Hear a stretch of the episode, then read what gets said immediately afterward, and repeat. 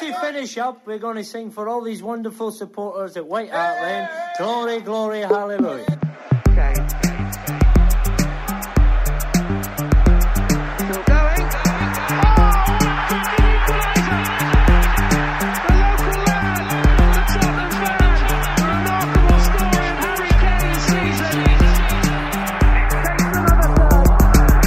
Oh,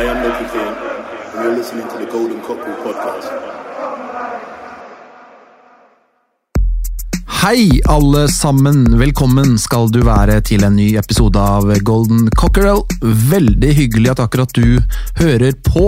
Vi er fire mann rundt mikrofonene her i dag som ser frem til en god prat om situasjonen i Tottenham, der vi sannsynligvis kommer til å lande noen svar, men fort også skape enda flere spørsmål om hva er det som skjer med Tottenham.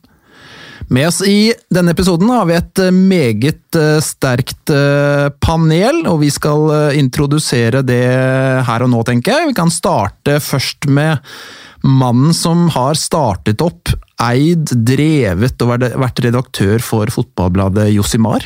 Bladet som har vært med på å sette fotballdagsorden i en årrekke med sin gravende journalistikk. Frode Lia, veldig hyggelig å ha deg her. Tusen takk. Josimar er jo et eh, blad som tør å mene og ta tak i temaer som andre mediehus eh, ofte kan være litt mer redde for å trå inn i. Er eh, Josimar-Frode over gjennomsnittet tykkhudet? Ja, og Nå er jeg jo ikke Josimar Josemar-Frode lenger, for jeg gikk av som redaktør for to år siden. Ja, du er fortsatt i bladet? Ja, ja, jeg driver podkasten, ja. Ja. Men eh, jeg er jo ikke redaktør, og det er jo som redaktør du trenger å være tykkhudet. Så er heller eh, Ja, så litt roligere nå. Jeg ja, men, et, men, jeg, altså, jeg, jeg tror det er viktigere å være faktaorientert enn øh, tykkhuda, liksom. Altså, når du blir journalist, så er du jo for en grunn. ja. Det er ikke for den gode lønna du får i, i media. Det er jo fordi du ønsker å drive journalistikk. Eh, og så lenge du driver faktororientert journalistikk, så er det samme hva de kaster på deg, på en måte. For da, altså, du gjør jo bare jobben din. Det blir litt som en, eh, en spiss som eh, får dårlig samvittighet fordi han scorer skårer mål mot uh, motstanderen. ja det, den spissen har vi ikke i Tottenham, i hvert fall. Um, eh, vi har vel ikke noen spisser? eh, Vi har jo ingen spisser. Nei, så, så det, den, den slipper vi. Jeg fant et eh, portrettintervju med deg, Frode, på dagsavisen.no fra 2017. Her står det at favorittlagene dine er Brasil, Barcelona og Ipswich.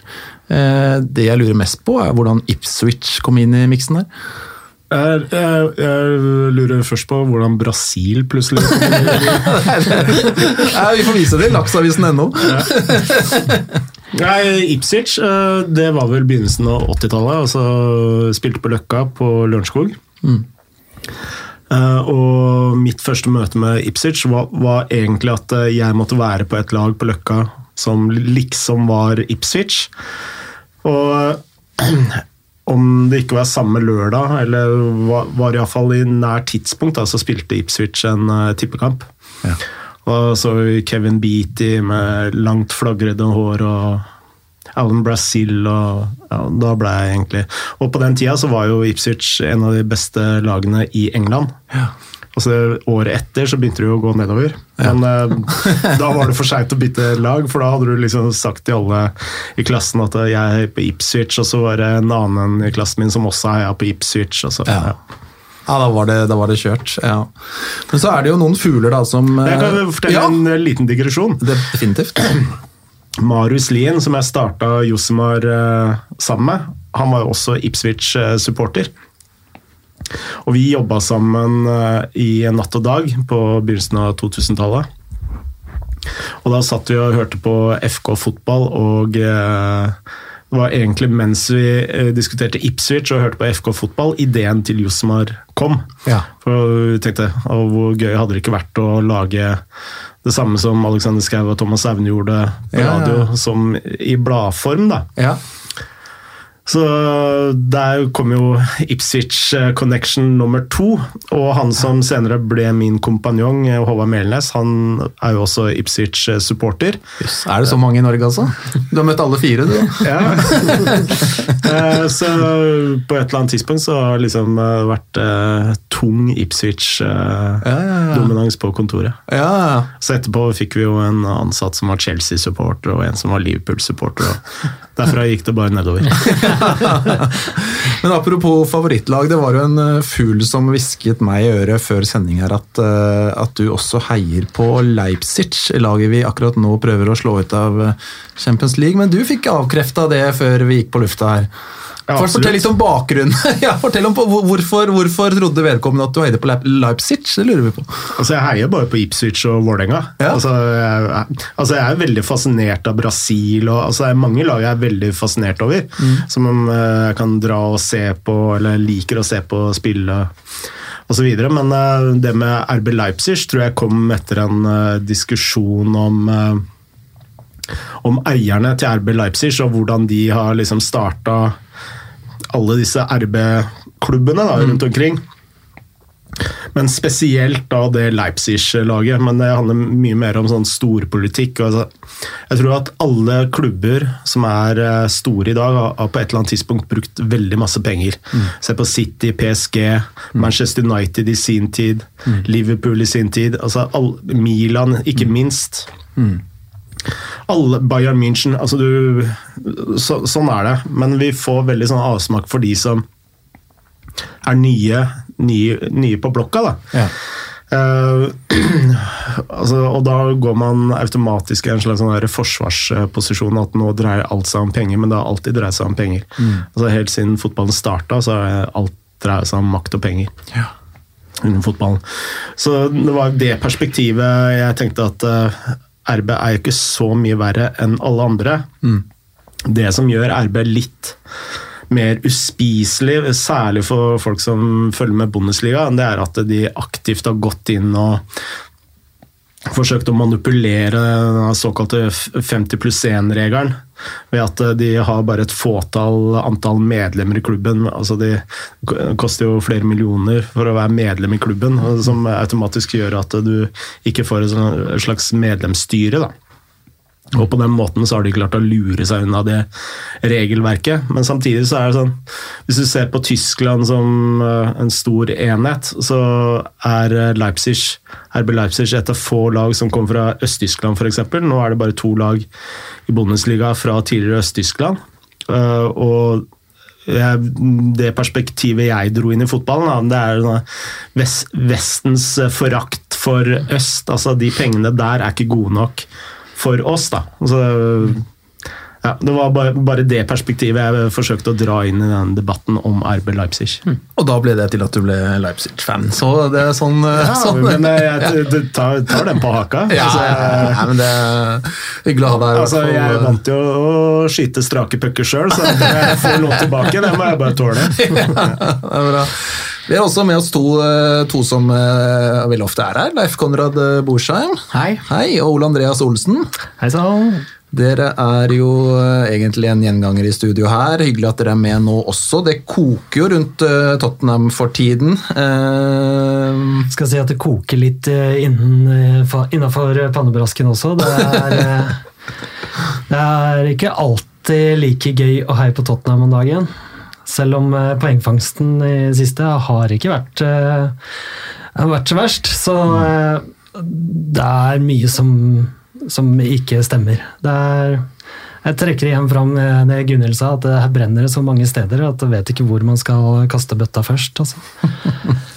Nei, det, det, det er tunge tider, spør du meg. ja. Kunne ha eh, vært verre. Kunne ha heia på Manchester United. De ligger over oss på tabellen. Vi skal Men, ja. eh, diskutere i det dype og det brede situasjonen eh, Tre poeng er vel strengt tatt even Steven. For det er jo tre poeng eh, differanse. Ett poeng, et ett poeng opp nå, Ett ja. faktisk.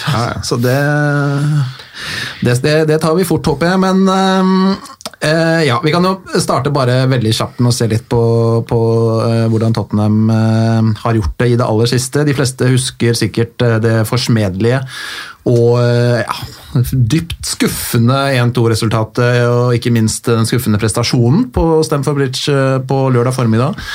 Eh, Og også 0-1-tap hjemme for Leipzig, som egentlig var en eh, like dyster affære for Tottenham. Før det så slo de Aston Villa 3-2 etter denne overtidsskåringen av Hong Min Son med armbrudd. Og slo også Southampton 3-2 i FA-cupen før det. Så nå skal det vel ut i en kvartfinale mot uh, Norwich i uh, FA-cupen om et par ukers tid. neste, neste uke. da, Om en uke, uke, faktisk, er det. Ja, stemmer. Om en, en drøy uke. Vi spiller dette på en mandag. Um, ja, Så det er situasjonen, da. Tottenham på sjetteplass, ett poeng bak eh, Manchester United på femte. Og så kan vi jo kanskje da jeg vet ikke, Er det topp fem som holder i år, Frode, for å komme til Champions League? Eh, Ja, det tror jeg. Ja, Jeg tror jeg ingen vei tilbake der nå. Nei, Nå det, for, det, det, må, det må vi Nå har vi en Frode her som er så Dette her må jeg nå City er jo nå utestengt i to år. Ja. Uh, nå er jeg veldig, og dette tror jeg mange, veldig mange Tottenham-supportere er nysgjerrig på. Uh, tror du den avgjørelsen står, og at City er ute, og at topp fem holder til Champions League?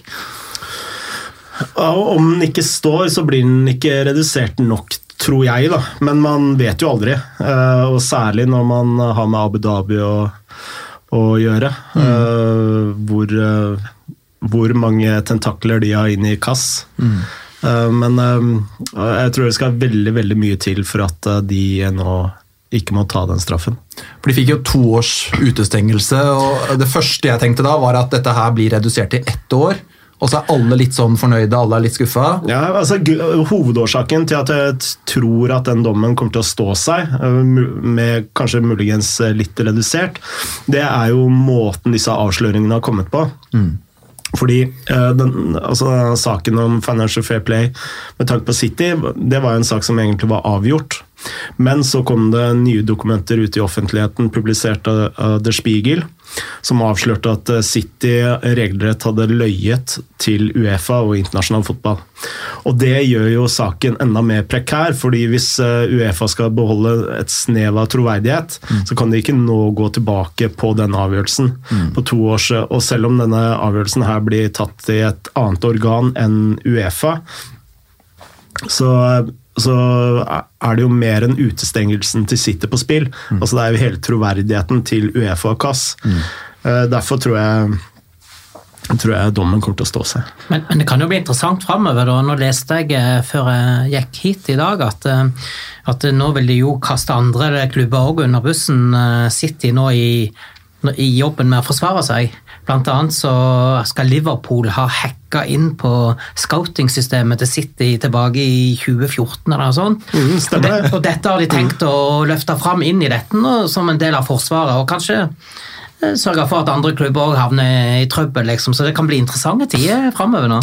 Og det første eh, Altså Det som eh, også skjedde i kjølvannet av dette, var jo at presidenten i PSG, Al-Kahifi, det han heter, han sitter også i eksekutivkomiteen til Uefa.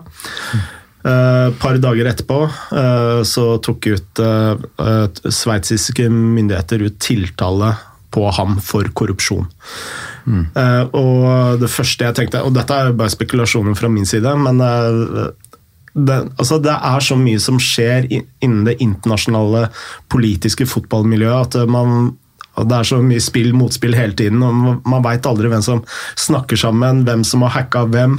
Eh, Så det første jeg tenkte, dette har noe med Abu Dhabi å gjøre. Altså et eh, takk for sist. Eh, Fordi, og en av grunnene til at jeg tror Uefa heller ikke går tilbake på. Altså, Qatar og Abu Dhabi er jo i, i Uh, altså bitre fiender. Uh, ikke bare på fotballbanen, men sånn storpolitisk. Uh, så alt det som skjer i Uefa mot City, må også ses litt i sammenheng der. Nei, det, det, det er veldig interessant uh, på mange måter da, for oss Tottenham-supportere. Også med tanke på uh, at dette kan jo bety at femteplass uh, kan bety Champions League. Men ja, vi får Først må vi komme oss til femteplassen, da. Det- Ja, det klarer vi, Andreas. Det er bare ett poeng opp. Det er jo, men det er jo helt klart at en sånn straff fra Uefa må være noe som svir, for å gi dem 200 millioner euro i bot, det vil jo ikke hjelpe. Men Det var, det så fikk, var det Barcelona som fikk 2000 kroner i bot eh, for et eller annet i fjor sommer? 2000 kroner? Ja, Det var noe det sånt. høres jo helt Ja, spinnvilt ut. men men, jeg eh, mener for de fikk 30 millioner euro i bot, eller var det 30 000 euro i bot? Eh, Jeg vet ikke. Ja, Jeg tror det var 30 millioner. Ja. Ja. Vi må hoppe litt over. likevel, da. Det Ja. er eh, forskjellen på, på eierne fra Qatar og Abu Dhabi og eventuelt Saudi-Arabia. Det er jo at eh, de har jo ikke noe økonomiske motiv for å gå inn i fotballklubber. Men det har jo si amerikanske eiere som går inn i engelske fotballklubber. Og eh, så er, Uefa blir jo også pressa av andre klubber til å straffe klubber som uh, City, med, ja, fordi uh, um, Altså Det er jo konkurransevidrende, eh, vridende, hvis de bare kan pøse inn, eh, pøse inn penger i bakveien, og at dette ikke blir, blir stoppa. Så Uefa sitter jo litt sånn mellom barken og veden, fordi de blir jo mest sannsynlig også pressa fra andre klubber som eh, er under et helt annet økonomisk regime enn det City er. da. Hi, this is Graham Roberts, and I'm listening to the Golden Cockerel podcast. Da tenkte jeg vi eh, skulle gå litt over og snakke om eh, elefanten i rommet, eh, José Mourinho. Eh, Det er en eh, mann det er eh, umulig å være likegyldig til, eh, enten man er eh, Tottenham-supporter eller generelt bare fotballinteressert. Og sjelden, eller Konrad, så har vel Tottenham-fansen vært så splittet uh, som på synet på Nei, manageren sin. Det, det, er, det er egentlig helt vilt, altså, hvordan noen ønsker å gi han tid og mener at han har ikke det mannskapet han trenger for å få spilt sånn som han ønsker, mens andre vil ha han dit pepperen gror allerede nå. Og jeg er i siste kategorien, så det, blir sikkert ikke en lystig podkast fra min side i dag, altså. Jeg syns jo det er umulig å liksom skjønne han helt, for han sier så motsigende ting. Eh, men jeg syns jo at eh, en gang så var det litt eh, behagelig å av og til se en langpasning. Eh, Få løst opp litt når alle pressa oss høyt. Eh, Nå ser jeg ikke planen vår i spillet i det hele tatt. Noe som toppa seg mot Chelsea. Det var ingen- Planen er jo egentlig grei, da. Planen er å legge seg bakpå og prøve å holde mest mulig, og så bruke han tre-fire mann til å prøve å kontre. Ha litt kjappe folk framme, og så bare kontre inn. Og de holdt jo på å lykkes i, i starten av eh, kampen, der de hadde et par brukbare muligheter før eh, Chelsea skåra. Men, men den, det baklengsmålet måtte jo komme. Altså, Tottenham er jo ikke bygd for å ligge og forsvare seg. Nei. Eh, hva er din oppfatning til nå, Frode? Av Mourinho? Ja, i Tottenham. Ja, Mourinho gjør det Mourinho pleier å gjøre. Så det er jo ikke noe så, Sånn sett eh, er jo ikke det så veldig overraskende. Men eh, Altså, det, det som eh, Altså, nå går jeg litt på sida her, da, men en tese jeg har, da, det er jo at alle klubber har en eller annen, et eller annet DNA. da. Og i det øyeblikket du liksom forsvinner vekk fra det DNA-et, så er både klubben på ville veier, eh, og Altså Det ender stort sett bare i katastrofe. Litt som det gjorde i Manchester United. Og eh, Mourinho-DNA er jo ikke det samme som Tottenham-DNA, som står for mer Er det lov til å kalle det positiv fotball? da? Eh, Så det er vel kanskje første tankene jeg har om eh, Mourinho i, eh, i altså Du sa, sa jo det selv òg, at eh, Tottenham er jo ikke bygd altså Har jo ikke en spillerstall til å spille den type fotballen Mourinho ønsker å spille. Altså, som du ser at han eh, faktisk spiller akkurat nå. mm. Ved å ligge lavt i to blokker og spille direkte. Ja, men er, Lars Sivertsen han sa jo, etter å ha tenkt seg om en stund, at eh, den gjengen her passer jo veldig godt Mourinho-fotball. Men eh, da, da hadde vi jo Kane frisk, vi hadde en Ali som ikke var broren sin, og eh, en sånn på laget.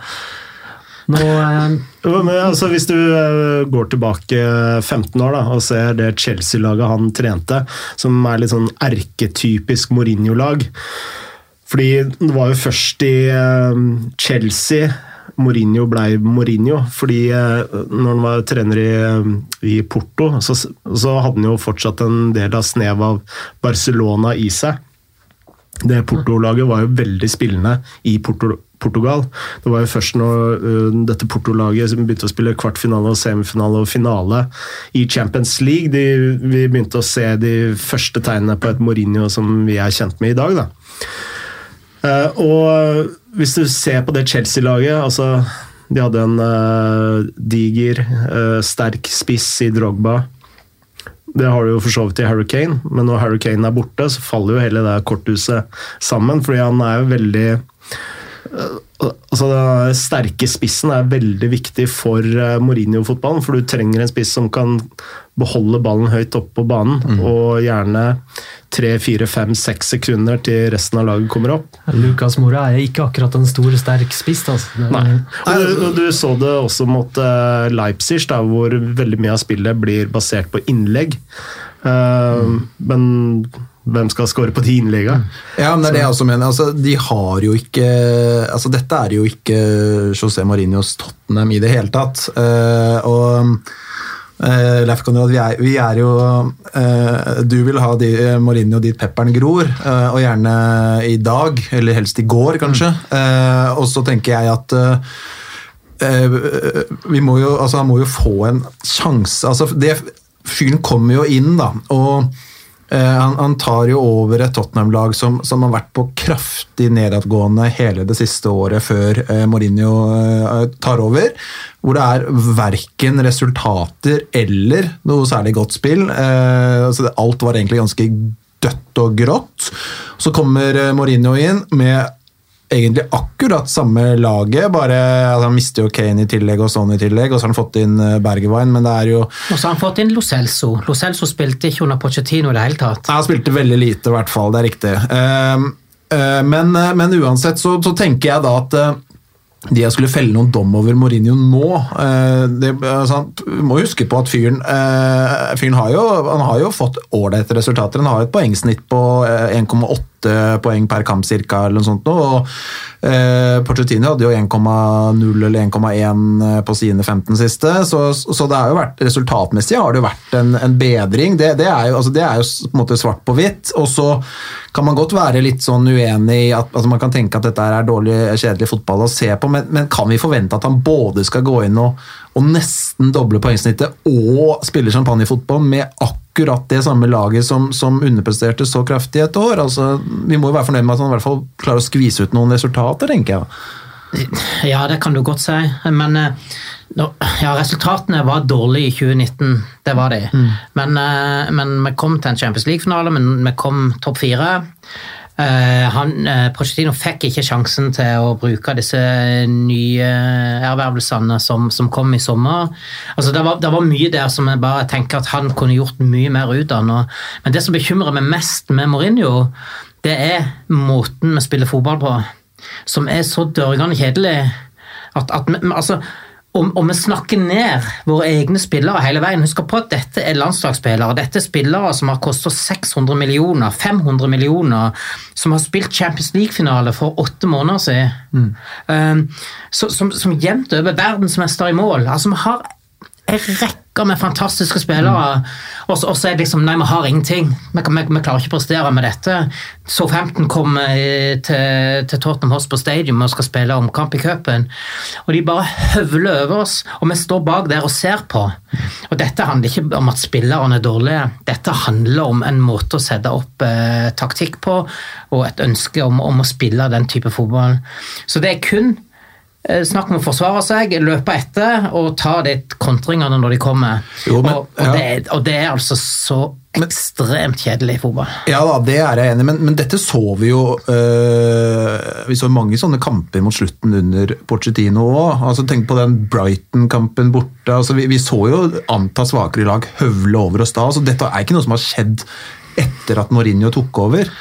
Nei, men, men, du- men vi må jo ønske oss altså, vi- Det er en grunn til at du skifter manager. Sant? Ja, men- og Det er jo ikke for at vi skal fortsette i samme tralten. Da hadde du heller hatt inn en fyr som var elska av fansen, og som spilte en positiv artig fotball, og så gir vi han sjansen til faktisk å få snu dette. Når du først henter inn en ny manager, så må du kunne forvente at det faktisk skjer noe. Jeg tror, jeg, tror- tror det er veldig viktig å forsøke å sette seg inn i stolen til uh, Livi. Jo- altså, hva er grunnen til at uh, han valgte egentlig Mourinho? Og det var jo mest sannsynlig å, å få orden på en tropp i uh, oppløsning. Eh, Uh, få et stort navn som, som gjorde at de beste spillerne ønska å bli. Og, og han er jo en av verdens mest meritterte trenere. Eh, og det spillere overalt ønsker, det er jo ved siden av å tjene masse, masse penger, det er jo å vinne. Eh, og med Mourinhos track record så vil man jo tro at han Altså Spillerne tenker at eh, han, han her kan ta titler med Tottenham. Mm. så det er vel det Livi egentlig har tenkt. Og eh, så er spørsmålet er den tankerekken egentlig god nok. Uh, altså, Og jeg lurer, jeg lurer litt på hvor populær er han egentlig i spillergruppa? Hvor gøy syns, syns disse offensive spillerne våre at det, det er å løpe etter i 90 minutter og jage ball? ja, og det, er, det er vel der uh, Livi har feila, tenker jeg. Altså, for jeg er helt enig med deg. Altså, Mourinho uh, er i mine øyne en fullstendig feilsignering. Fordi du Si at øh, den, øh, tesen min er riktig, da, at øh, det var hovedårsakene til at man velger å, å signere Mourinho. Så altså, du, altså, hva er det Mourinho gjør stort sett i alle klubber? Det er å skape splid. Han eh, skaper, og det handler også litt om at eh, Mourinho er allerede i neste jobb. Han. Altså, du ser det på hver eneste pressekonferanse at uh, dette laget er så dårlig. Eh, så han snakker jo Det han egentlig sier, er at eh, se hvor fantastisk jobb jeg gjør, som klarer en uavgjort mot eh, XX eh, antall eh, Han gjorde det samme i, i, i Real Madrid, han gjorde det samme i eh, Chelsea, altså han gjorde det samme i, i Manchester United. Han gjorde det samme nå i helga. Ja. ikke sant, og sier at for at han var så fornøyd med spilleren, så stolt over å tape 2-1 mot århundrets svakeste Chelsea-lag. Så det, det er Ja, det er, det er jo sånn. Og da snakker du egentlig til uh, fremtidige uh, Altså fremtidige klubber som ønsker å ansette deg, og, men uh, hva er det hva er det, det hva, Hvilken historie er det spillerne sitter igjen med? Det er jo at eh, vi er dritt. Vi er dritt. Og du ser jo hva som eh, skjer med spillere når de på hver eneste pressekonferanse blir fortalt at de er dritt. Eh, Og det er jo et lag som bare ramler på tabellen, sånn som med Manchester United. Men eh, i det resonnementet så skal jo sies at han klarte jo faktisk et sølv da, med Manchester United. Ja da, Så- Han vant vel ute i Europa og tok vel en FA-cup-gull òg, Ja, og? Vant Europaligaen vel og tok FA-cupen, vel, ja. Så Så, så, så, men, men, eh, ja, men, men han òg har jo hatt en negativ utvikling eh, både fra United-perioden og, og Det skal jo også sies at eh, når vi snakker om Mourinho, så kan vi ikke bare snakke om han. Man må snakke om hele trenerapparatet. Altså, hvis du ser suksessen til Liverpool, så handler ikke det bare om Klopp.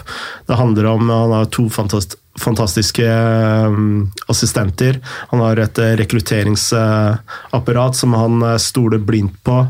Uh, altså beste uh, medical i Premier League omtrent.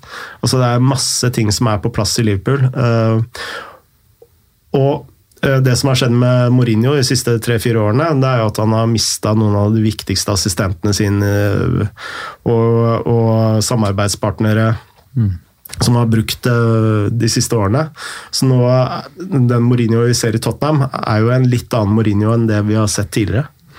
Jeg tenker jo på da, hva du tror Hvis du skal sette deg inn i hjernen til Daniel Levy, hva han tenker da fremover. Holder man ut nå denne sesongen med Mourinho og så prøver på nytt, eller prøver man da i sommer å gi han eh, de spillerne han peker på og apparatet han vil ha? Ja, Det er et interessant spørsmål, da, fordi øh, jeg tror jo at altså, Tottenham er jo slitt på overgangsmarkedet. Nå er det veldig mange supportere som, som lurer på hvorfor har vi ikke signert en spiss. Jeg tror jo at øh, det Levi ser, er at øh, det er ingen der ute som er villig til å komme til Tottenham innenfor eh, de økonomiske rammene som eh, klubben har, da, eh, som kan gjøre klubben bedre. Altså, det fins ikke. Altså, det er så mange gode, rike klubber der ute, og det gjør at Tottenham er så langt ned på lista. At, og spillere er jo også sånn at de tror de er mye bedre enn det de er òg. Altså, Fjerdeplass i Premier League, altså, når jeg kan velge mellom alt annet. da. Mm. Og jeg, Det kan jo også være en medvirkende årsak til at han har valgt å gå for uh, Mourinho. For hva skjer når du får Mourinho? Du får jo også den mektigste agenten med på laget. Du mm. får med Jorgi Mendes. Og Du ser hva Jorgi Mendes har gjort med Wolverhampton, og hva en klubb som Manchester United nå sliter med. Altså, Manchester United de har nå gjort seg uvenner med de to mektigste agentene i hele verden. og har virkelig problemer med å, å, skaffe spillere på det nivået de ønsker. Altså nå, uh, Bruno Fernandes-overgangen holdt nesten på å gå i vasken pga. Horgi Mendes. Ikke fordi spilleren blir representert av Horgi Mendes, men Horgi Mendes skal ha en uh, cut av alle salg ut av Sporting Lisboa. Uh, og det kan være hovedårsaken, tror jeg, da, ved siden av dette med altså, få orden på en garderobe i oppløsning. Uh, at det kan være en av årsakene til at Mourinho gikk til Tottenham. Fordi du får en helt annen tilgang til spillere enn om du ikke hadde Mourinho på laget med Jorge Mendes i bakhånd. Men Betyr det, tror du, at Levi faktisk er innstilt på å åpne lommeboka skikkelig kanskje allerede i sommer? da? Absolutt. Mm. Uh, men da tror jeg de spillerne er spillere som indirekte eller direkte er knytta til Jorge Mendes. Mm. Hva slags spillere er det? Altså, vi, vi, vet jo hva Wolverhampton har henta, men, men øh, Nei, altså det er jo øh, masse portugisiske spillere, brasilianske spillere, litt spanske spillere. Altså det er Han er altså han driver jo et digert fond, mm. som uh, The Guardian skrev en veldig fin sak uh, om for et par år siden, sammen med Peter Kenyon, han tidligere direktøren i Manchester United og Chelsea. Uh, så de har jo altså de spillerne han egentlig har kontroll på, det veit vi ikke. Mm. Altså, fordi det er ikke de spillerne som står oppført på transfermakt. Altså, det er et betraktelig større nettverk enn en som så. Eh, så han er jo den mektigste aktøren innen eh, spillerrekruttering i verden i dag, vil jeg påstå. Høres jo bra ut å få han med på laget, da, Leif Konrad? Absolutt. Eh, hvis, hvis, hvis Livi er der, da. Men uh, han har jo òg ennå til gode å vise at han virkelig vil slå på stortromma. Jo, men forrige sommer så, så, gjorde han jo det, vil jeg si, da. Det var jo Splæsja mye penger i fjor sommer. Absolutt. Men som, som, regel så går vi liksom for det billige alternativet til, til den som manageren egentlig har lyst på. Så blir det litt sånn spennende å se nå om, om, om man faktisk gjør det. Men, men, men, det handler om litt andre ting for meg når det kommer til, til Mourinho òg. Og det, det hvorfor ble jeg Tottenham-supporter? Det er fordi jeg ønsker å se en offensiv, artig fotball Altså, og så får vi gå på den uh, jevne smellen her og der, altså. Det, det får vi leve med. uh, og jeg, jeg, tar heller det enn å holde på å se dørgende kjedelig fotball som ender opp med en uh, eh, 1-0-seier her, en 2-1-seier der. og, og ja, no, no, jeg, altså jeg var jo helt sikker på at Harry Radnap skulle komme tilbake. Så jeg, jeg var nesten klar på å putte noen penger på hos Booker. Ja, nei, det var jo så mange alternativ. Ja. Nei, men, men, eh, ja, altså jeg skjønner jo hva du mener, men jeg tenker jo også samtidig Nå har jo Marinho vist hvis vi går litt tilbake i tid da, Man blir jo fort veldig blendet av den perioden av tiden hans i Manchester United. Den sitter jo veldig frist i minne for oss som, som følger engelsk fotball tett, for da fikk vi jo veldig mye Mourinho. Eh, men, men eh, hvis vi går litt lenger tilbake i tid, så, så har vi jo sett en Mourinho som, som har vist at han, han, kan andre ting enn det vi har sett de siste årene også. og Hvis han får en spillerstall og, altså, jeg, jeg, føler i hvert fall Vi må jo i hvert fall gi han et, vind, et ordentlig vindu. Da, gi han en, Vi kan ikke på en måte dømme en, en, en lærer ut fra ganglaget hans inn i klasserommet. på en måte. Men da, da er spørsmålet hva, hva, hva, er det, hva, er det, hva, er det, han trenger nå? For at vi skal se et Tottenham Og i hvert fall få rusta opp det, det forsvarsleddet sitt. Jeg tror det vil også gjøre oss veldig mye bedre fremover. For det gjør jo at eh, sånn som Fordi at jeg, jeg, jeg kan til en viss grad forstå at Mourinho har en forsiktig inngang til en del av kampene nå, og så tror jeg de blir ufrivillig Sånn som mot Leipzig, da. Så ble de fryktelig dype. eh, Spesielt i første omgang. Det ble, de lå omtrent med åtte-ni mann fra 20 meter og inn. Og, og jeg tror eh, tanken i den kampen var å, å skulle ligge kompakt og forholdsvis dypt og, og ta Leipzig på overganger. Men så er Leipzig så gode, og Tottenham er altså De kommer ikke opp i de, de har ikke nok kvalitet bak der til å klare å stå imot det, og det ender med at de bare blir spilt fullstendig inn i egen 16 omtrent. Jeg syns egentlig de minna litt om oss for fire-fem år siden. Ja. Når, vi var, når det var eh, stort sett den samme spillergruppa som bare jagde, jagde, jagde Ja. og var sultne. Ja, de av Leipzig, ja. Ja, ja det kan jeg være enig i. Eh, men jeg tror at hvis, hvis Mourinho får inn så hvis, hvis vi kan plutselig få inn noen uh, forsvarsspillere og en defensiv midtbanespiller som gjør at vi, vi, tåler, vi tåler den type spill bedre, da. For at nå føler jeg at han legger opp til et spill vi egentlig ikke behersker. Nei, han, han signerte Toby Alderweireld på en ny kontrakt. Ja. Um, Han har jo prøvd å hente han tidligere til Manchester United. Ja. Mm.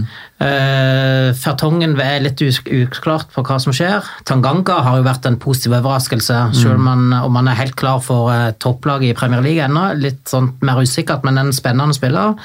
Davinson Sanchez. Uh, ok. seg, han, ja. uh, sentral midtbane har vi uh, Endombele, Lo Celso. Altså, er det noen av de som ikke er gode nok, som du tenker må erstattes nå? Nei, eh, det, det, for, for meg så er det en drømmemidtbane, men Ndomblé er jo ikke i nærheten nå, da. Men jeg, jeg håper jo veldig at han kan bli det kanskje fra høsten, altså neste sesong.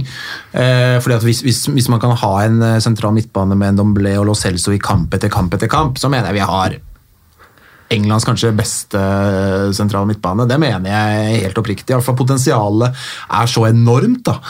Eh, Men, men, men det er derfor jeg tenker at da, han, altså, vi, må se, vi må se noe utvikling. Og det er det, det, det som er litt sånn trist med Tottenham akkurat nå.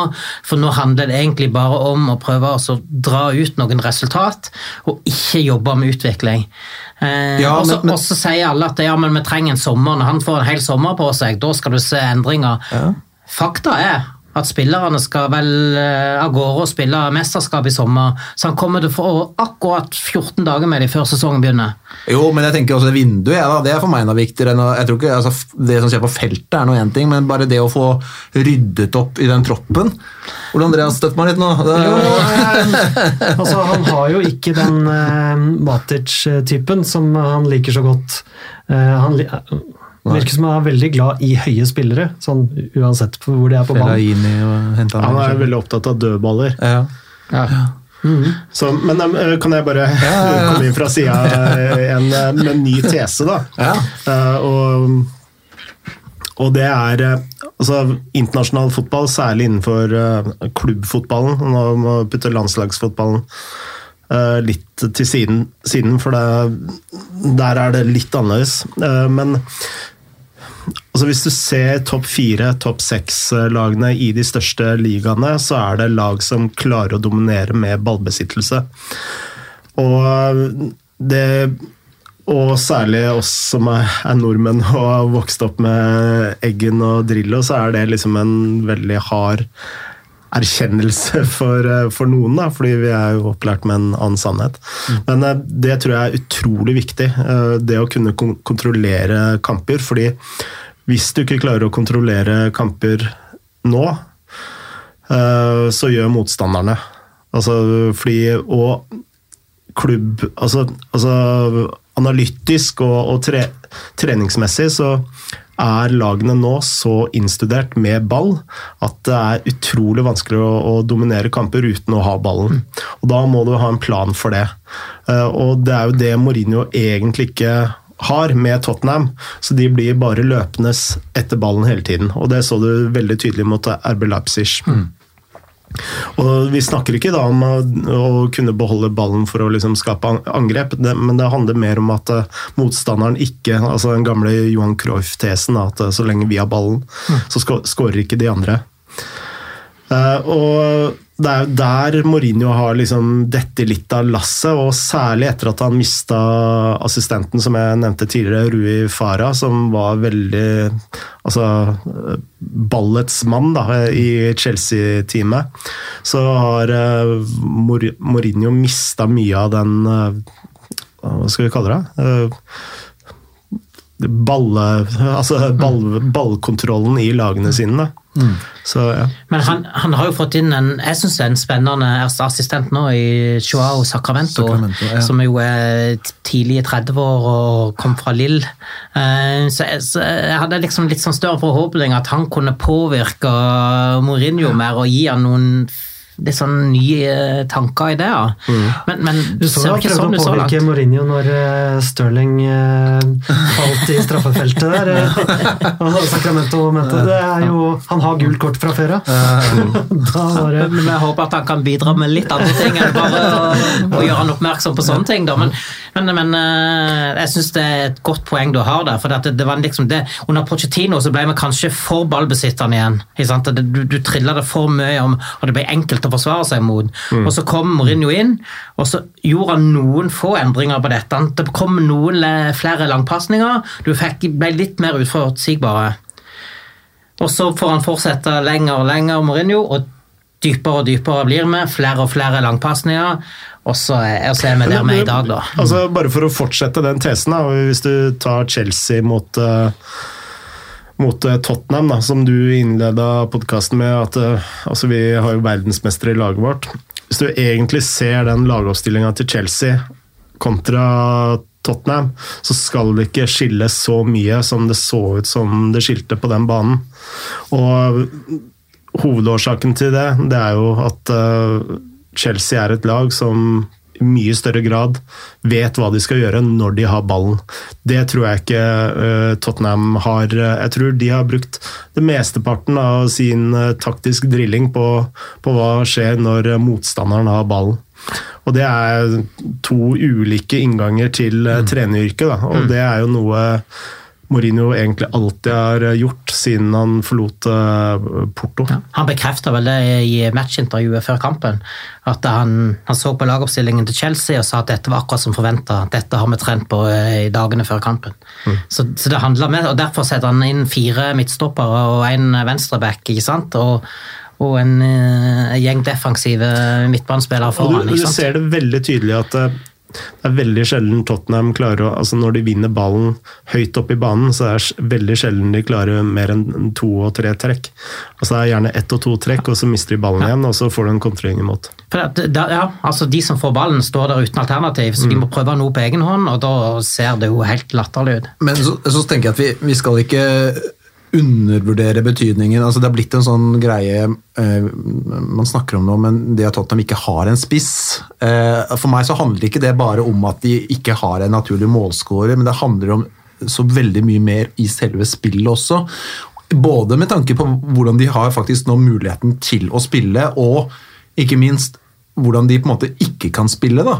Eh, fordi Hvis du ser på sånn som eh, de fremste spillerne Nå var det vel Mora og Bergwijn som, som starta på topp sist. og Det, altså, det de kan, det, det er, altså, de er ekstremt hurtige begge to.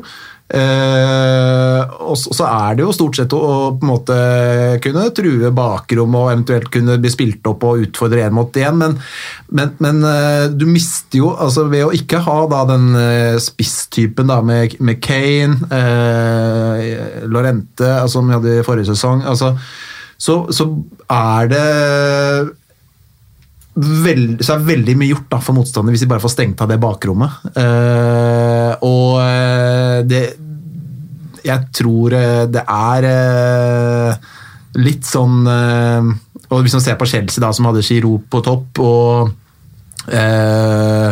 Abraham som kom vel inn der, og eh, Altså Han spiller jo veldig likt som det, altså det Tottenham-laget som spilte mot Chelsea. Ja. er jo altså, fra et sånn taktisk ståsted nærmest identisk med hvordan Chelsea spilte Ja. under uh, Mourinho på den tidlig 2000-tallet. Og så så jeg også en sånn statistikk som var Uten, veldig uten en stor spiss. Ja, ja, ja, ja, men så så jeg også en veldig interessant statistikk etter den Chelsea-Tottenham-kampen, og det var at jeg tror lagene hadde akkurat like mange langpasninger hver seg i den kampen. Jeg tror eh, Tottenham hadde én mer eller noe sånt. Nå.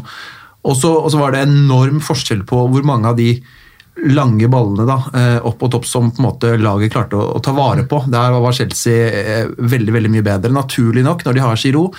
Eh, Mens Tottenham jeg tror de, det var noe sånn 23 eller 24 langpasninger. Tottenham klarte å ta vare på fire av de ballene, tror jeg det var. Og det var jo en av årsakene til at Tottenham ønska å hente Giro. Ja, ikke sant? Akkurat for å gjøre den jobben der. Men, Ja. og det, altså, det er vel få lag eh, som har en så sterk nummer eh, ni som det Tottenham mm. har. Og når du da som spiss går til en klubb hvor du veit du blir andrevalget, så har du liksom nesten ikke noen alternativer igjen. Så du da må du enten veldig opp i pris eller veldig ned i kvalitet. Og da blir sånn Alexander Sørloth eksempel, da, kunne, kunne ha vært et eh, sånn typisk FM-valg da, som en eh, god nummer to, og det er jo kanskje det Tottenham egentlig trenger. da. En, eh, nå lanserer jeg ikke Alexander Sørloth til Tottenham, men bare for å Ja, det- gi et eksempel på en type, da. Ja. Ja. Vi kunne valgt verre spillere enn Alexander Sørloth, tror jeg. Vi var jo ute etter William José fra Real Sociedad.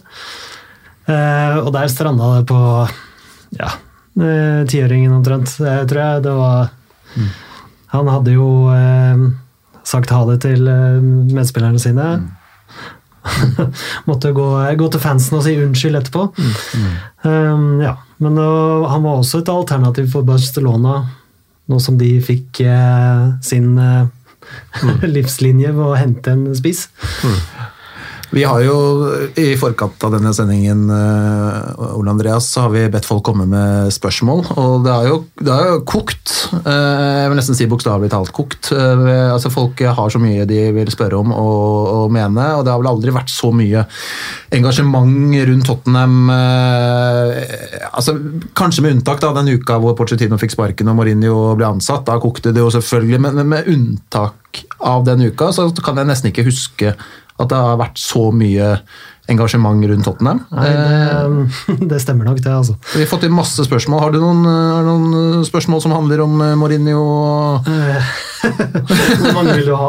Nei, eh, ta Nei, det, det er jo um, kan velge ut noen, du. Ja, nei, altså eh, Vi har jo litt uh, om uh, generelt om spillerstallen, som de har vært inne på, men uh, sånn, eh, balansen i dagens Mourinho-lag, spør Thomas Edvardsen om, eh, sliter litt med å se identiteten vår, og det, det gjør vel Leif Konrad også, og jeg skal si litt Eller jeg mener også at eh, det er litt planløst, eh, det vi har nå.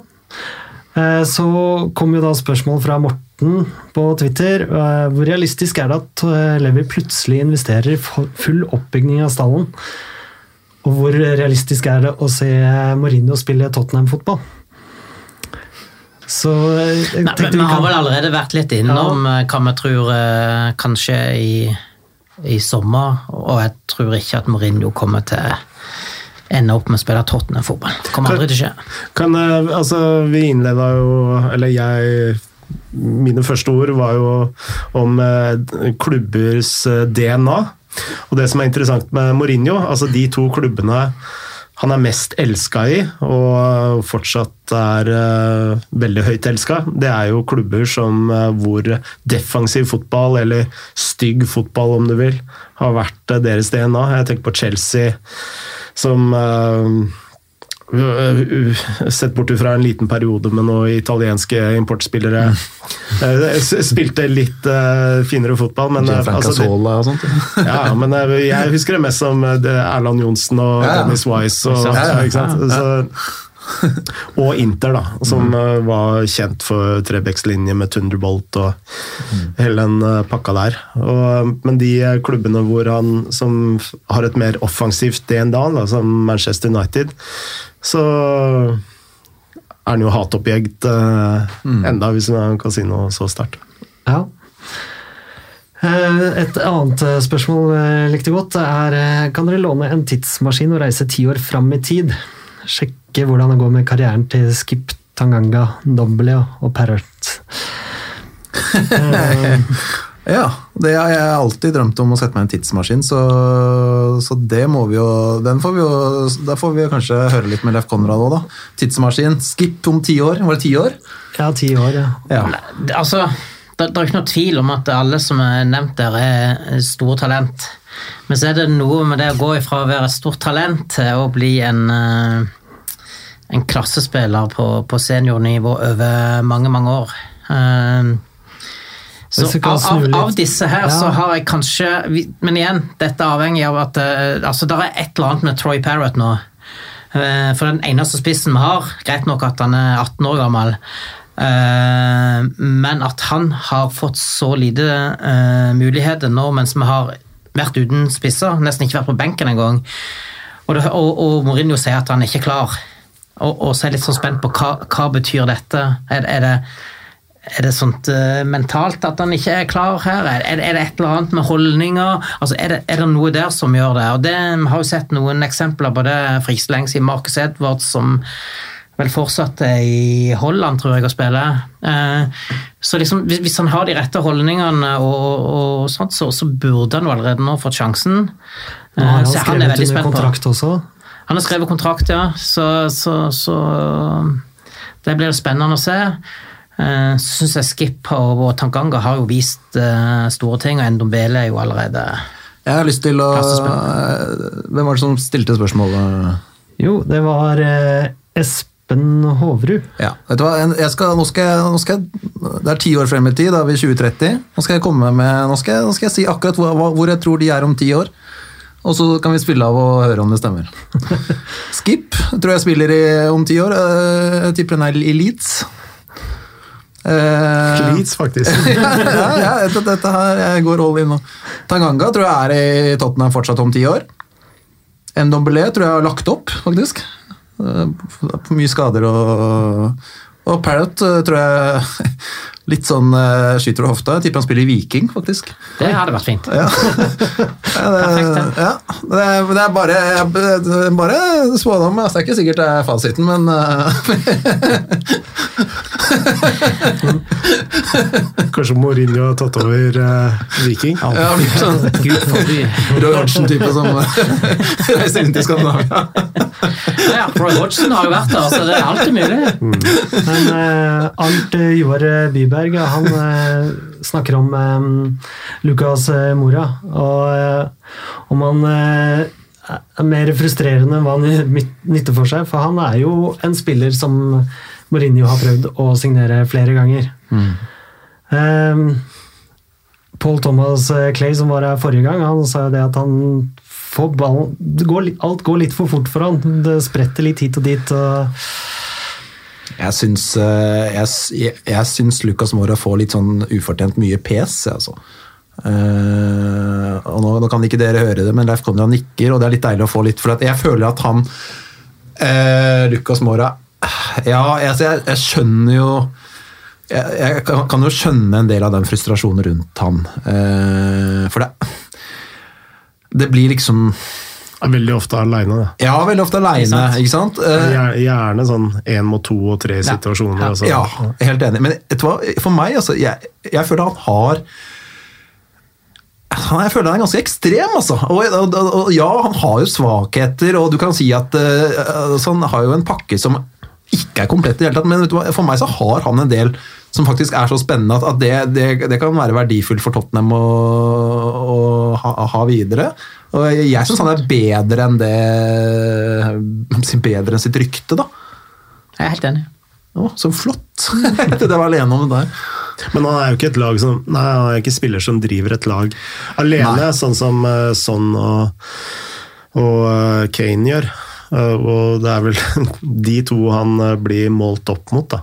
Det er det nok, og, og det kan godt hende at han også er best i en innbytterrolle hvor han kan komme inn og spille en halvtime med Jeg syns han ofte er best når han kommer inn. da. Eh, Nå har han starta veldig mye denne sesongen, men, men at det er en spiller Tottenham har bruk for, det mener jeg definitivt det er. eh, Fordi han altså du, du finner ikke altså Hvis du ser på, på styrken hans og ekstremferdigheten hans, så, så, så finner du faktisk ikke så veldig mange som uh... Kan jeg bare komme inn eh, med en, en ny fra sidelinja? Det er interessant at det er så mange brasilianske spillere i Premier League som Ja. sliter med dårlig teknikk. Ja. Eh, Pereira i Manchester United, f.eks. Ja, er vi vant til hele siden Gomez sto i mål, ved at, eh, at brasilianere kunne være litt, eh, litt hva som helst. Ja, Gomez går jo rundt til alle brasilianske spillere i Premier League og får dem med i kirken sin. Han, da. Eh, Med den tannbeskytteren sin. Og, Ja, hvor de alle må gi 10% av inntekten sin til en sånn evangelisk det kirke. sant? Ja, ja. Firmino døpte seg her nå for et par uker Ja, siden. du, tenker på, du tenker på Alison? Alison, mener jeg. Ja, Alisson. Oh, ja, ja, ja, jeg tenkte på Hva heter han for navn? Au, Aurelio. Aurelio. Aurelio Aurelio Gomez. Ja, ja. ja eh, flere spørsmål, eh, Ole Andreas? Vi har vært innom eh, det aller meste, altså, så, ehm, Ja. eh, jeg tenker at Da kan vi eh, gå litt videre med Ja. Hi, I'm Ledley King, and you're listening to the Golden Cockerel podcast.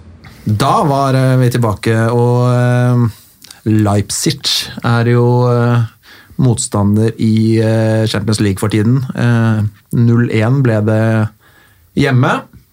Jeg var der. Ja, fortell om eh, opplevelsen, Leif Konrad. Ja, det, det var ikke det helt store, må jeg innrømme. Det var uh, haugevis med nordmenn der, så det var veldig gøy. Eh, En god oppladning til match.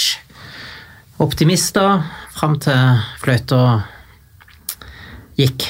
Da, da var det altså en skuffelse. Mye frustrasjon på tribunen. Ja. Det kan jeg forstå. Eh, Det var jo en skuffende kamp, eh, Ole Andreas. Ja, kampbildet var ikke sånn som eh, jeg forventa, og forvent, selv om forventningene har gått gradvis nedover siden trekninga, så Nei, eh, de siste 20-30 minuttene så er vi jo med, men jeg er litt redd for at det også er fordi at eh, Leipzig tillater eh, mere. Eller fordi at vi våger mer. Ja, Ikke sant? At vi, vi kan Garantert ikke en leve på kombinasjon. dette. Ikke da. sant? Eh, Så Hva følte du om den matchen, Frode? Nei, altså det, det er interessant det sa at eh, Tottenham eh, tok mer og mer over. Jeg tror at eh, Tottenham ble veldig sjokka over å møte et lag som presser så bra som det RB Leipzig gjør. Og eh, litt som eh, Liverpool også gjør. altså i, I Premier League så er det vel egentlig bare City og Liverpool som kan den type pressfotballen som uh, veldig mange lag i Bundesliga kan. Da.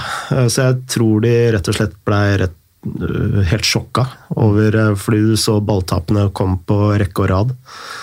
Og tyske lag bruker jo noe som heter sånn gegenpress. Så de ser seg ut de svakeste spillerne hos Tottenham. Da. Så hver gang jeg vil ikke nevne eh, spillernavn, men eh, du ser det veldig tydelig hvem de presser, og hvem de ikke presser. Eh, Og de går de på hele tiden. Og særlig og når de vinner ballen, nei, mister ballen, så vinner de den tilbake med én eneste, eneste gang. Så, og jeg tror en av grunnene til at Tottenham kom mer og mer inn i, i kampen, det er jo at RB Leipzig er jo ikke vant til å spille Champions League-fotball på dette nivået her, så gassen går jo tom. Eh, og du så at de ble slappere og slappere i presset. Ofte tre, uh, presser de jo fire og fem spillere sammen, men uh, etter hvert så så du at det var gjerne en, den fjerde og femte spilleren hang, hang ikke med i presset, og da er det lettere å, å komme seg ut. Ja, nei, det, og så mangler de vel en del forsvarsspillere òg, som ja. er faste på, på Leipzig, og, og allikevel så klarte ikke å utnytte det. Vi klarte jo ikke, å- nesten ikke å skape en sjanse i løpet av 90 minutter på hjemmebane, som er Men det er jo angrepsspillerne som er det viktigste forsvarsleddet til eh, Absolutt. Leipzig, og det ser du også i Liverpool. Jeg tror litt over 70% av alle angrep blir, blir stoppa av angrepstrioen. Så, Men det er det som også er problemet når de, eh, Tottenham får det trykket da siste 20-25 minuttene. og De er på en måte De har jo ingen spillere da som, som kan uh, ta imot noe innlegg. for De hadde jo en del muligheter å komme seg litt rundt og få slått inn en del, og sånt nå, men har jo ingen typer der inne som kan det. så det blir jo, Du må, du må hele tiden se etter de der eh, Mora Bergwijn-typene som må ha den på fot og i rom. og Det blir veldig forutsigbart. altså Selv om Tottenham egentlig har mye ball og klarer å skape et trøkk, så skaper de jo egentlig og skuffende få store sjanser. Ja, Ja da. Så den spisse Jeg kommer litt tilbake. Jeg, for meg så og, eh, Sånn og Kane er de to som er ute nå, da. Eh, og jeg, jeg tenker jo at den, den Tottenham savner klart mest, er Kane. Nettopp fordi han er en så fullstendig annerledes type. Altså Sånn er jo en mer lik type som, som det de allerede har litt utpå der, men kanskje bedre. Men uh, Kane er jo en helt annen type. og og For meg så, så, er det, så er det han som er egentlig mest savnet nå, selv om sånn kanskje har vært bedre. Men det har noe med spillertype da, og det å ha et register å spille på som lag. Altså Skal du spille den type fotball, og ligge lavt og slå tidlig opp, så er du helt, uh, helt avhengig av en spiller som klarer å ta vare på ballen, og det er Kane. Ja. Og, eh, så det overrasker meg. Altså, den der portugisiske trenerskolen Mourinho kommer fra, da. Jeg er veldig sånn teknisk her, da, men jeg, altså, det var en portugiser som heter Vito Fara, som er, er faren til noe som heter sånn game model, da, hvor du uh, går gjennom alle svakhetene til motstanderne, styrkene og, uh, til motstanderen, styrker og svakheter på eget lag osv. Og, så og så lager du en sånn game modell utover det, en veldig sånn systematisk metode da, for akkurat det der. Og det, Med det i bakhodet så overrasker meg veldig at eh, Mourinho velger en sånn type taktikk, da, når du ikke har en, det viktigste elementet for den type fotballen. Ja. Uh, med en eh, Kane eller Drogba som han ville ha brukt eh, 15 år tidligere.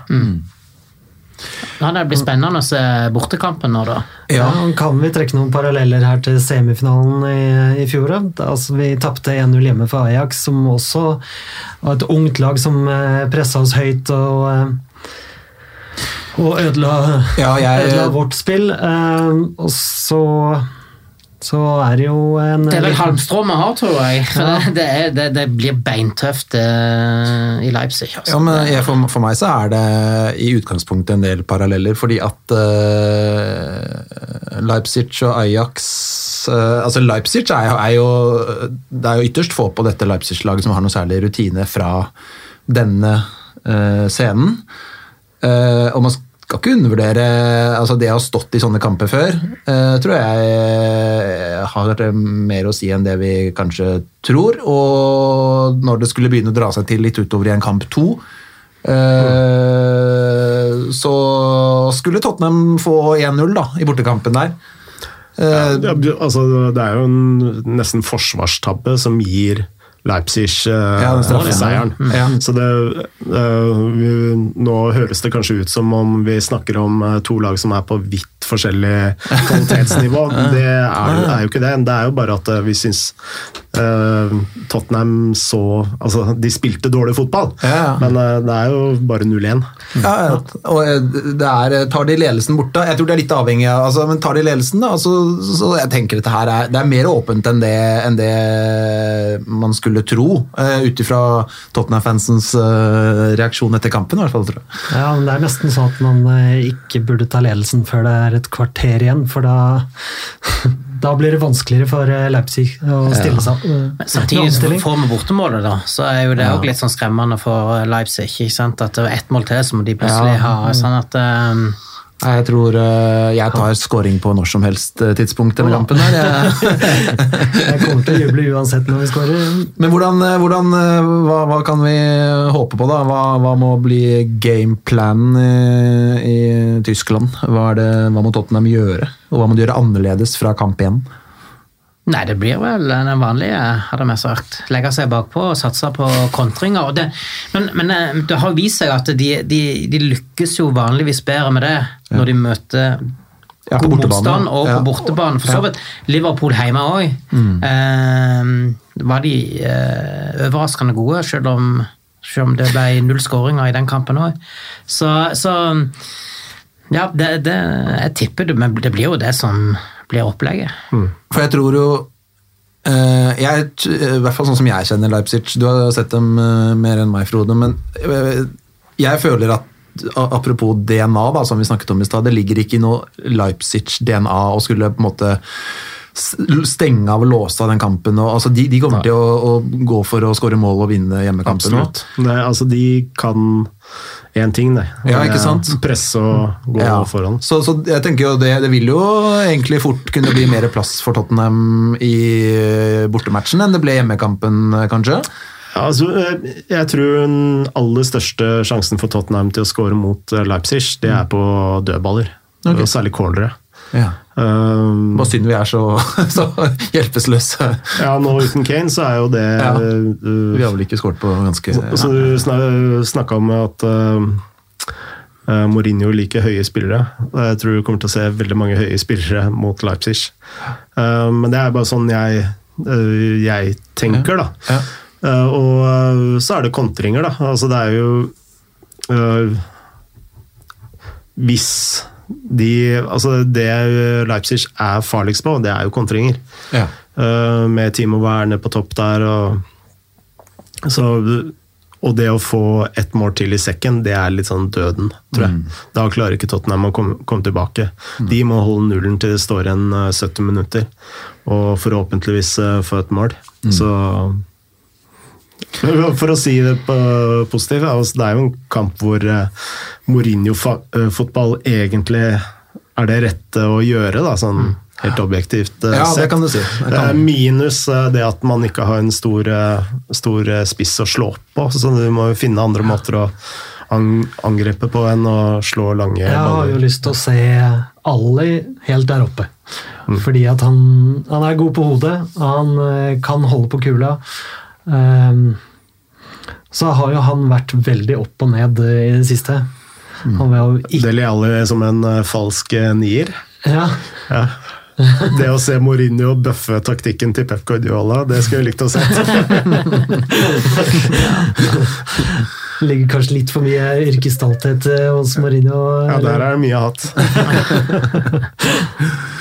Ja. Nei, vi får se. Eh, Det blir, eh, det blir eh, superspennende. Har du datoen på den kampen i 10. hodet? mars. 10. mars her er det. 10. mars klokka ni. Ja. Ja. Det blir, det blir bra. Da, da tar vi den. Eh, Så blir det forhåpentligvis en kvartfinale i Champions League også. Men det går mot slutten her.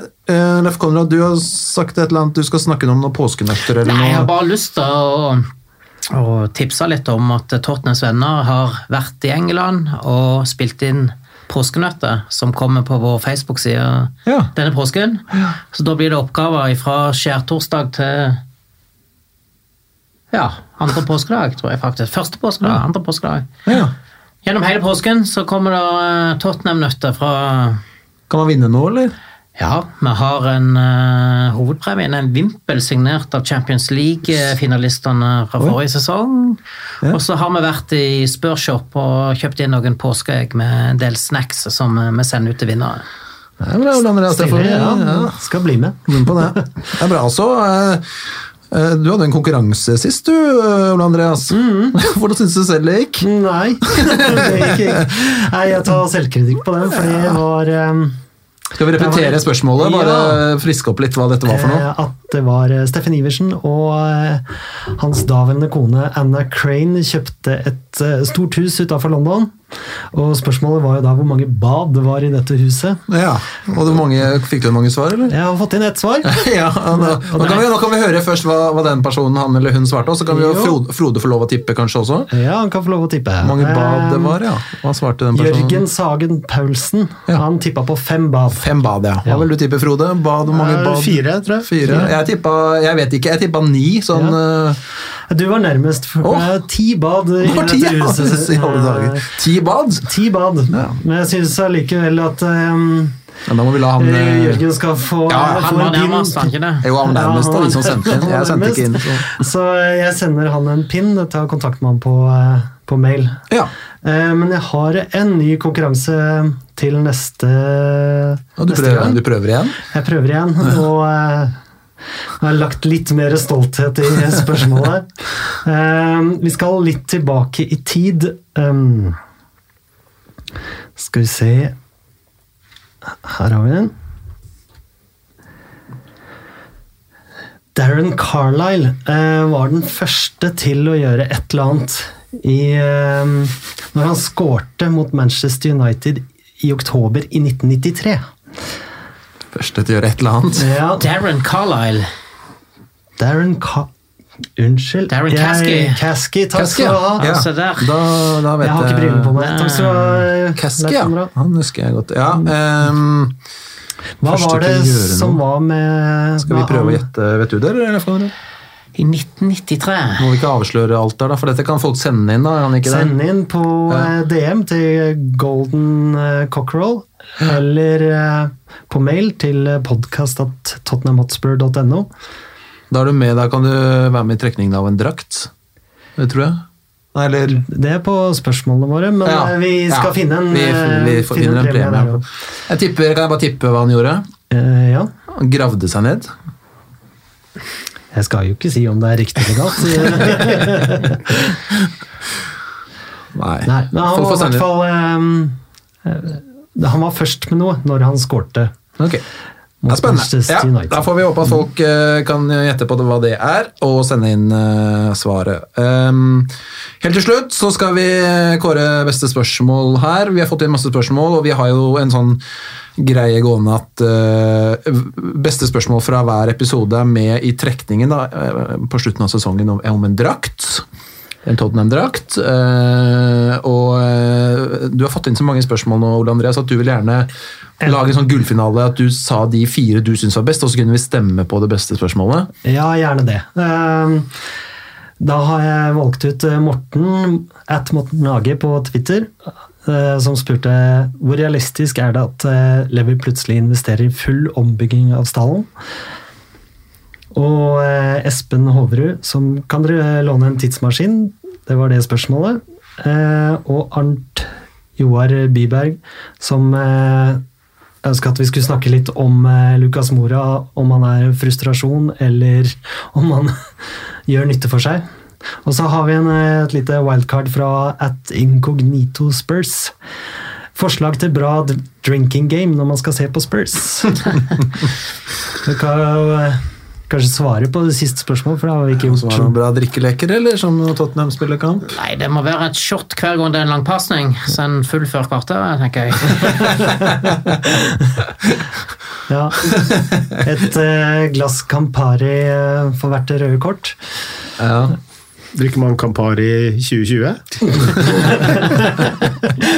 Det var den eneste røde drinken jeg kom på. Jeg bare husker det fra barskapet til moren min. Siden har jeg ikke sett det. Jeg husker, jeg, jeg husker Jeg drakk det da jeg var tre år, for jeg trodde det var saft. Det kom fort opp igjen. Nei, men hva tenker vi? Full, full ombygging av stall, tidsmaskin, Lucas Mora eller uh, drikkeleker? Jeg stemmer på første til Morten. Full ombyggingen av stall, ja.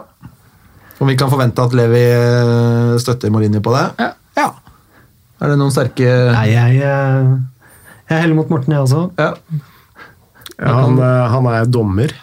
Han skal- sikkert dømme laget mitt, så jeg tør jo ikke si noe. ja, og jeg forholdt meg nå helt til ro. Han er gikk i klasse på videregående, så jeg lot dere svare først. Så jeg, men da hiver jeg meg på den, så Da, sier vi at den eh, Gratulerer vi, gratulerer vi Men Morten. når det er sagt, så liker jeg egentlig tidsmaskin eh, best. da. Jeg syns også tidsmaskinen var kanskje eh, morsommere, men eh, det, jeg føler vi kanskje det er, Full ombygging av stall, det, det er jo Da ble det tre igjen, da. Men eh, Lars Peder, Ja. du har jo fått spørsmål om om det blir eh, signeringer, og så svarte du på Twitter at eh, Ja. Minst se for deg fire signeringer. ja. Nå kan jeg ta deg i hånda, Ole Andreas her. Ja. Det gjør vi nå. Jeg kan høre håndtrykket på mikrofonen. Sånn. Jeg, eh, var det, jeg vedder en lommebok. En lommebok. Ja, var, det ikke, var, det vi skulle, var det ikke det vi skulle vedde? Sånn, eh, jeg vedder en, lomme, en fin, eh, fin lommebok på at Tottenham kjøper minst fire spillere i sommer. Ja, det tror ikke jeg. Ok, da har vi en, eh, da har vi en eh, Det får vi se hvordan det går. Ja. Ok, folkens, vi har kommet til veis ende. Eh, superhyggelig å ha med deg, eh, Frode Lia. Takk for at jeg fikk være med. Og Leif Konrad og Ole Andreas. Eh, veldig veldig hyggelig å ha med dere også. Og Spennende å høre deres tanker om, eh, om Tottenham. Og eh, får vi bare krysse fingre og tær for at eh, vi får noen gode uker foran oss. Og så, Ole Andreas, nå er det bare å renske stemmen. Come on, you Spurs!